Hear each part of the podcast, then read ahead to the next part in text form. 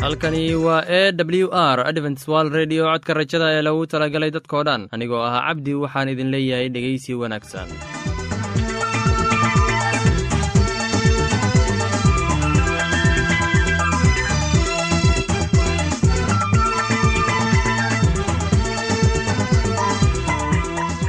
barnaamijyadeena maanta waa laba qaybood. Qaybta kuwaad waxaad ku maqli doontaan barnaamijka nolosha qoyska. Kadib waxaa inoo raaci doonaa cashar inaga yimid bugga nolosha. Dhegaystayaasheenna qiimaha iyo qadarinta mudano waxaan filayaa inaad si habboon u dhegaysan doontaan. Haddaba haddii aad qabto wax su'aal ama talo iyo tusaale oo ku saabsan barnaamijyadeena maanta fadlan inala soo xiriir. Dib ayaynu kaga sheegi doonaa ciwaanka yagu balse intaynan u guuda gelin barnaamijyadeena xiisaa leh. Waxaad marka hore ku soo dhowaataan. Heestan daabacsan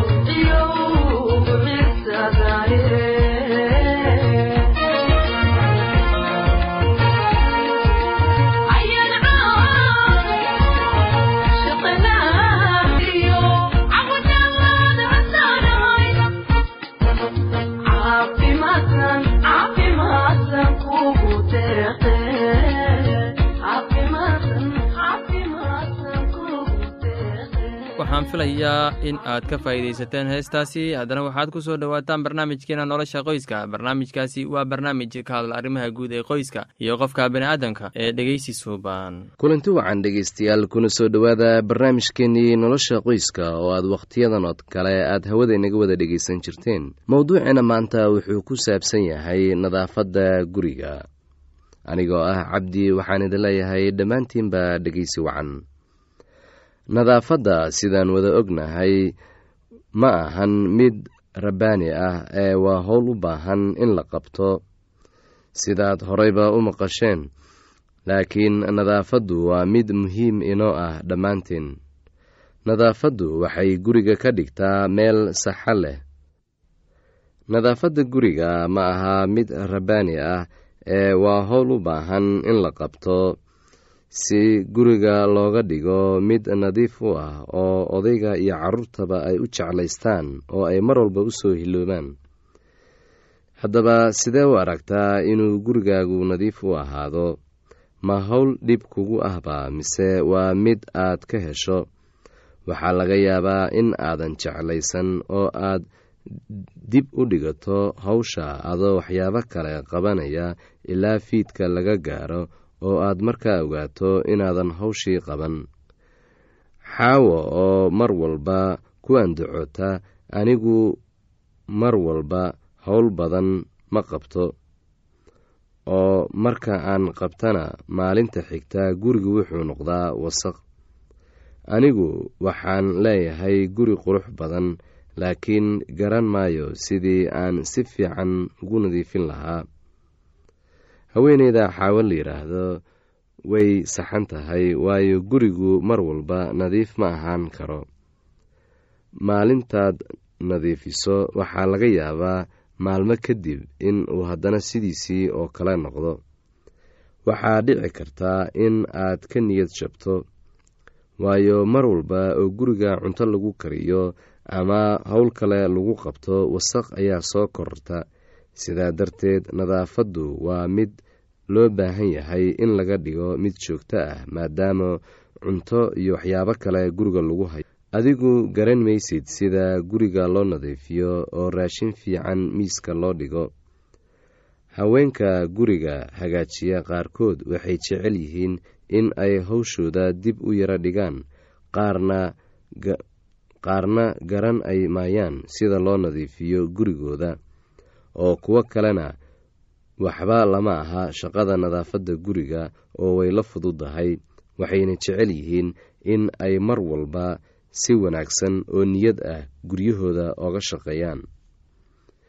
Maxay guri hagaajiyayaal badani ay u joojiyaan inta badan nadaafadda marka shaqo badan u taallo? Waxaa dhici kartaa in ay guriga u yaalaan alaab badan alaabta badani waxay keenaysaa nadiifitaan badan.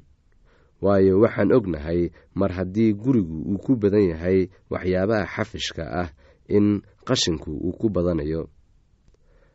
Haddaba ka ilaali gurigaaga waxyaabaha xafishka ah ee aan muhiimka ahayn ee aan loo baahnayn. Waxaa loo baahan yahay in dhammaan waxyaabaha dhalooyinka ah iyo qasacyada faaruqa ah in dhammaan guriga laga saaro sidoo kale waxyaabaha baakooyinka ah iyo alaabada kale ee mar hore wax laga isticmaalay dhammaantood waa in guriga laga saaro. Nadaafadda ka sokow waxa ay qaadanayaan sbacekii guriga. Haddii aadan rabin in aad mar walba aad raalli geliso marka dadka ku soo booqdo sidan soo socoto ayaa ah sidii aad gurigaaga u nadiifin lahayd laakiin habka guriga loo nadiifiyo waxaa aad uga muhiimsan dabeecaddaada ka raalli ahaanshaha ee ah waxa aad haysato iyo ammaanta reerkaaga. Markaa kadib ayaad u diyaar garoobi kartaa shaqada. Marka aad aragto guri nadiif ah ee aad ku hagaajisay kartidaada shaqsi ahaaneed waxaa jira saddex siyaabood oo aad gurigaaga ku nadiifin karto waxaad u baahan tahay in aad xushmayso hawsha la qabanayo in aad isku keento qalabka aad hawsha ku qabanayso iyo ugu dambayntii in aad shaqada bilowdo. Haddaba waxaa loo baahan yahay in mar walba aad hawsha qabato si aysan kugu badan. Ogow haddii gurigaagu uu yaryahay alaabta taalla in mar walba uu ka nadiif badnaanayo guriga ay yaalaan ay alaabaha xafishka ah ee faraha badan. Mar walba waxaa loo baahan yahay in waxyaabaha wasaqda ah aad ku ururiso meel loogu talagalay sida dembiil qashinka lagu ururiyo oo kale. Waxaa loo baahan yahay iyadana in aad carruurta barto alaabta oo aysan qashinka meel walba dhigin waxaa loo baahan yahay qof kasta oo guriga ka mid ah in uu dhowro hanaanka guriga iyo nadaafadaba haddii aad alaab meel ka soo qaaday waxaa loo baahan yahay marka aad dantaada dhammaysato in aad ku celiso meeshii aad ka soo qaaday. Haddiise alaab walbo la soo qaado oo gurigu uu noqdo mid isku dhex yaacsan hadhow waxaa dhib ku noqonaya qofka shaqada haya inuu hawshii kala hagaajiyo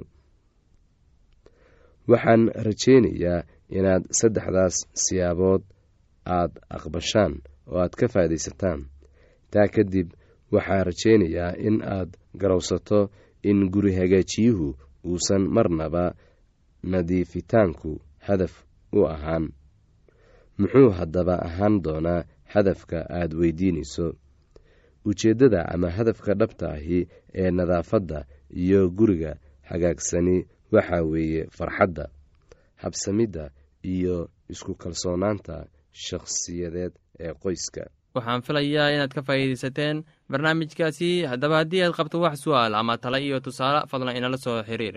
Ciwaanka yagu waa codka rajada sanduuqa boosada afar laba laba todoba lix nairobi kenya. Mar labaad ciwaanka yagu waa codka rajada sanduuqa boosada afar laba laba todoba lix nairobi kenya. Imeilka yagu waa somali at a w r o r g mar labaad imeilka yagu waa somali at a w r o r g ama barta internetka ciwaanka yagu oo ah w w w codka rajada dot o r g mar labaad ciwaanka yagu waa w w w codka rajada dot o r g ama waxaad inagala soo xiriiri kartaan barta emesonka ciwaanka yagu oo ah codka rajada at hotmail dot com. Haddana kabogasho wacani heestani soo soco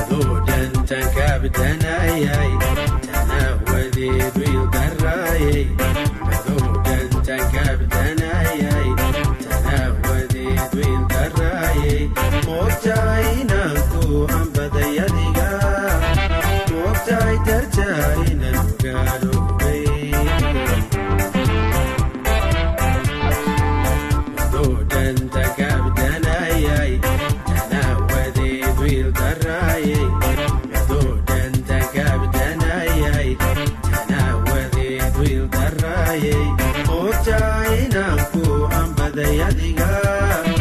Moogtahay darja inaan gaadhoobay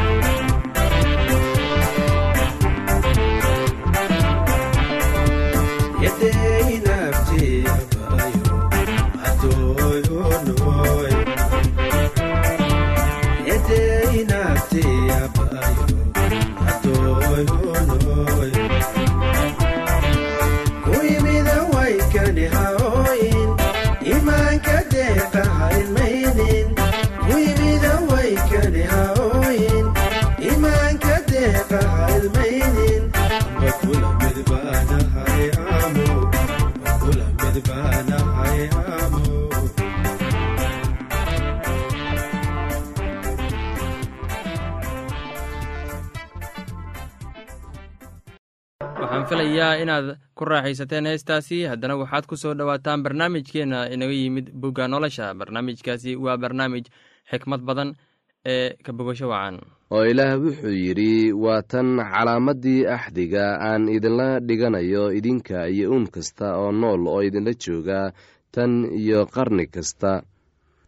Waxaan qaansadayda ku dhex dhigay daruurta waxayna noqon doontaa calaamaddii axdiga dhex yaal aniga iyo dhulka waxaana dhici doontaa markii aan dhulka daruur dul keeno in qaansada lagu arki doono daruurta dhexdeeda oo waxaan xusuusan doonaa axdigayga ina dhex yaal aniga iyo idinka iyo uun kasta oo nool oo jidh kasta leh.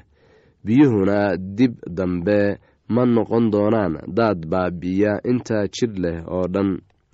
Qaansaduna waxay ku dhex jiri doontaa daruurta anna waan fiirin doonaa iyada inaan xusuusto axdiga weligiis dhex yaal ilaah iyo uun kasta oo nool oo jidh kasta leh oo dhulka jooga. Oo ilaah wuxuu nuux ku yidhi tan waa calaamaddii axdiga aan ku adkeeyey inta jidhka leh oo dhulka joogta.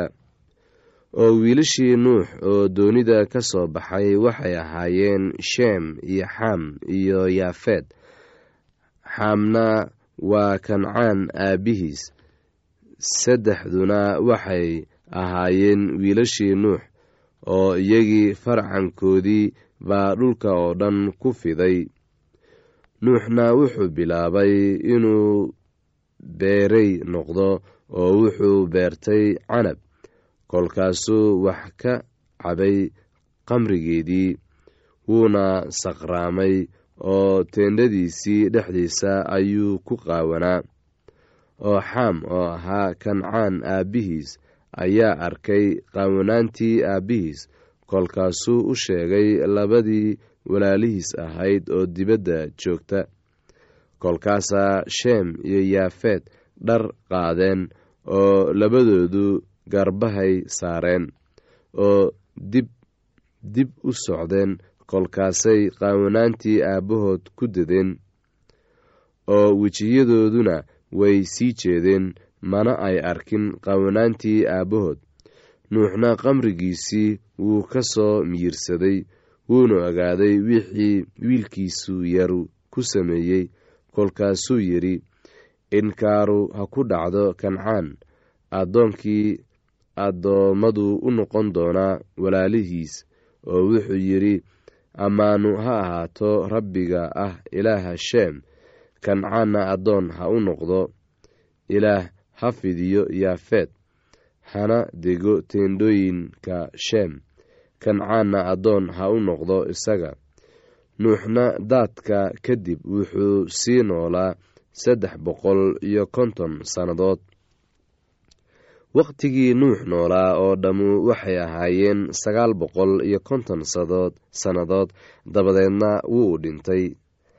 Haddaba kuwanu waa farcankii wiilashii nuux kuwaas oo ahaa sheem xam iyo yeefeed iyo wiilal baa u dhashay iyagii dadkii dabadiis. Wiilashii yaafeed waxay ahaayeen gomer iyo maajuuj iyo maadey iyo yawan iyo tubal iyo meshek iyo tiras wiilashii gomerna waxay ahaayeen ashkenes iyo rifaad iyo togarmad wiilashii yawana waxay ahaayeen elishah iyo tarshiish iyo takiim iyo dodanim kuwaasay gasiiradihii quruumaha ugu kala qaybsameen wadamadoodii dad kasta sidii afkoodii iyo qabiilooyinkoodii iyo quruumahoodii ay ahaayeen. Wiilashii xaamna waxay ahaayeen kuush iyo misrayim iyo fuud iyo kancaan. Wiilashii kuushna waxay ahaayeen seba iyo xawila iyo sabtah iyo racmah iyo sebteka. Wiilashii ramcaana waxay ahaayeen sheba iyo dedan kuushna wuxuu dhalay nimrood wuxuuna bilaabay inuu noqdo mid dhulka xoog weyn ku leh. Wuxuu ahaa ugaarsade ku xoog weyn rabbiga hortiisa. Taas daraaddeed waxaa la yidhaahdaa sidii nimrood ugaarsade xoog weyn rabbiga hortiisa ku noqo. Bilowgii boqortooyadiisu waxay ahayd baabel iyo ereg iyo akaad iyo kanleh waxayna ku yiileen waddankii shincaar. Dhulkaas wuu ka tegey oo wuxuu galay ashuur wuxuuna dhisay ninewe iyo rexbood iyo kala iyo resen oo u dhashay nehwe iyo kala. Taasuna waxay tahay magaalada weyn. Misrayimna wuxuu dhalay luudiin iyo canaamiin iyo lahabiin iyo naftuxiim iyo fatrusiim iyo kalsuxiim oo ay reer falastiin ka yimaadeen iyo kaftoriim kancaanna wuxuu dhalay sidom oo ahaa curadkiisii iyo xeed iyo reer yebus iyo reer amoor iyo reer girshaash iyo reer xiwi iyo reer caqri iyo reer siini iyo reer arwaad iyo reer semer iyo reer xamaad dabadeedna qabiilooyinkii kancaan way kala firdheen oo soohdintii reer kancaan waxay ka bilaabmaysay sidon markii loo kaco xagga geeraar ilaa gasa oo markii loo kaco xagga sodom iyo gomora iyo adna iyo siboyin ilaa laashac kuwanu waxay ahaayeen wiilashii xam sidii qabiilooyinkoodii iyo afafkoodii iyo waddamadoodii iyo quruumahoodii ay ahaayeen. Heestaasi iyo casharka buugga nolosha ayaanu ku soo gabgabayneynaa barnaamijyadeena maanta. Halkaad inaga dhegeysanaysaan waa laanta afka soomaaliga ee codka rajada ee lagu talagelay dadkao dhan. Haddaba haddii aad doonayso inaad wax ka faa'iidaysataan barnaamijyadeena sida barnaamijka caafimaadka barnaamijka nolosha qoyska iyo barnaamijka kitaabka quduuska fadlan inala soo xiriir. Ciwaanka yagu waa codka rajada sanduuqa boosada afar laba laba todoba lix nairobi kenya. Mar labaad ciwaanka yagu waa codka rajada sanduuqa boosada afar laba laba todoba lix nairobi kenya. Emeilka yagu waa somali at a w r o r g mar labaad imeilka yagu waa somali at a w r o r g ama emesonka oo ah codka rajada at hotmail com. Mar labaad emesonka yagu waa codka rajada at hotmail com. Ama barta internetka ayaad ka akhrisan kartaan barnaamijyadeena iyo ka maqasha sida w w w dot codka rajada dot o r g dhegeystayaasheena qiimaha iyo qadarinta mudan oo barnaamijyadeena maanta waa naga intaas. Tan iyo intaynu hawada dib ugu kulmayno waxaan idin leeyahay sidaas iyo ammaano allah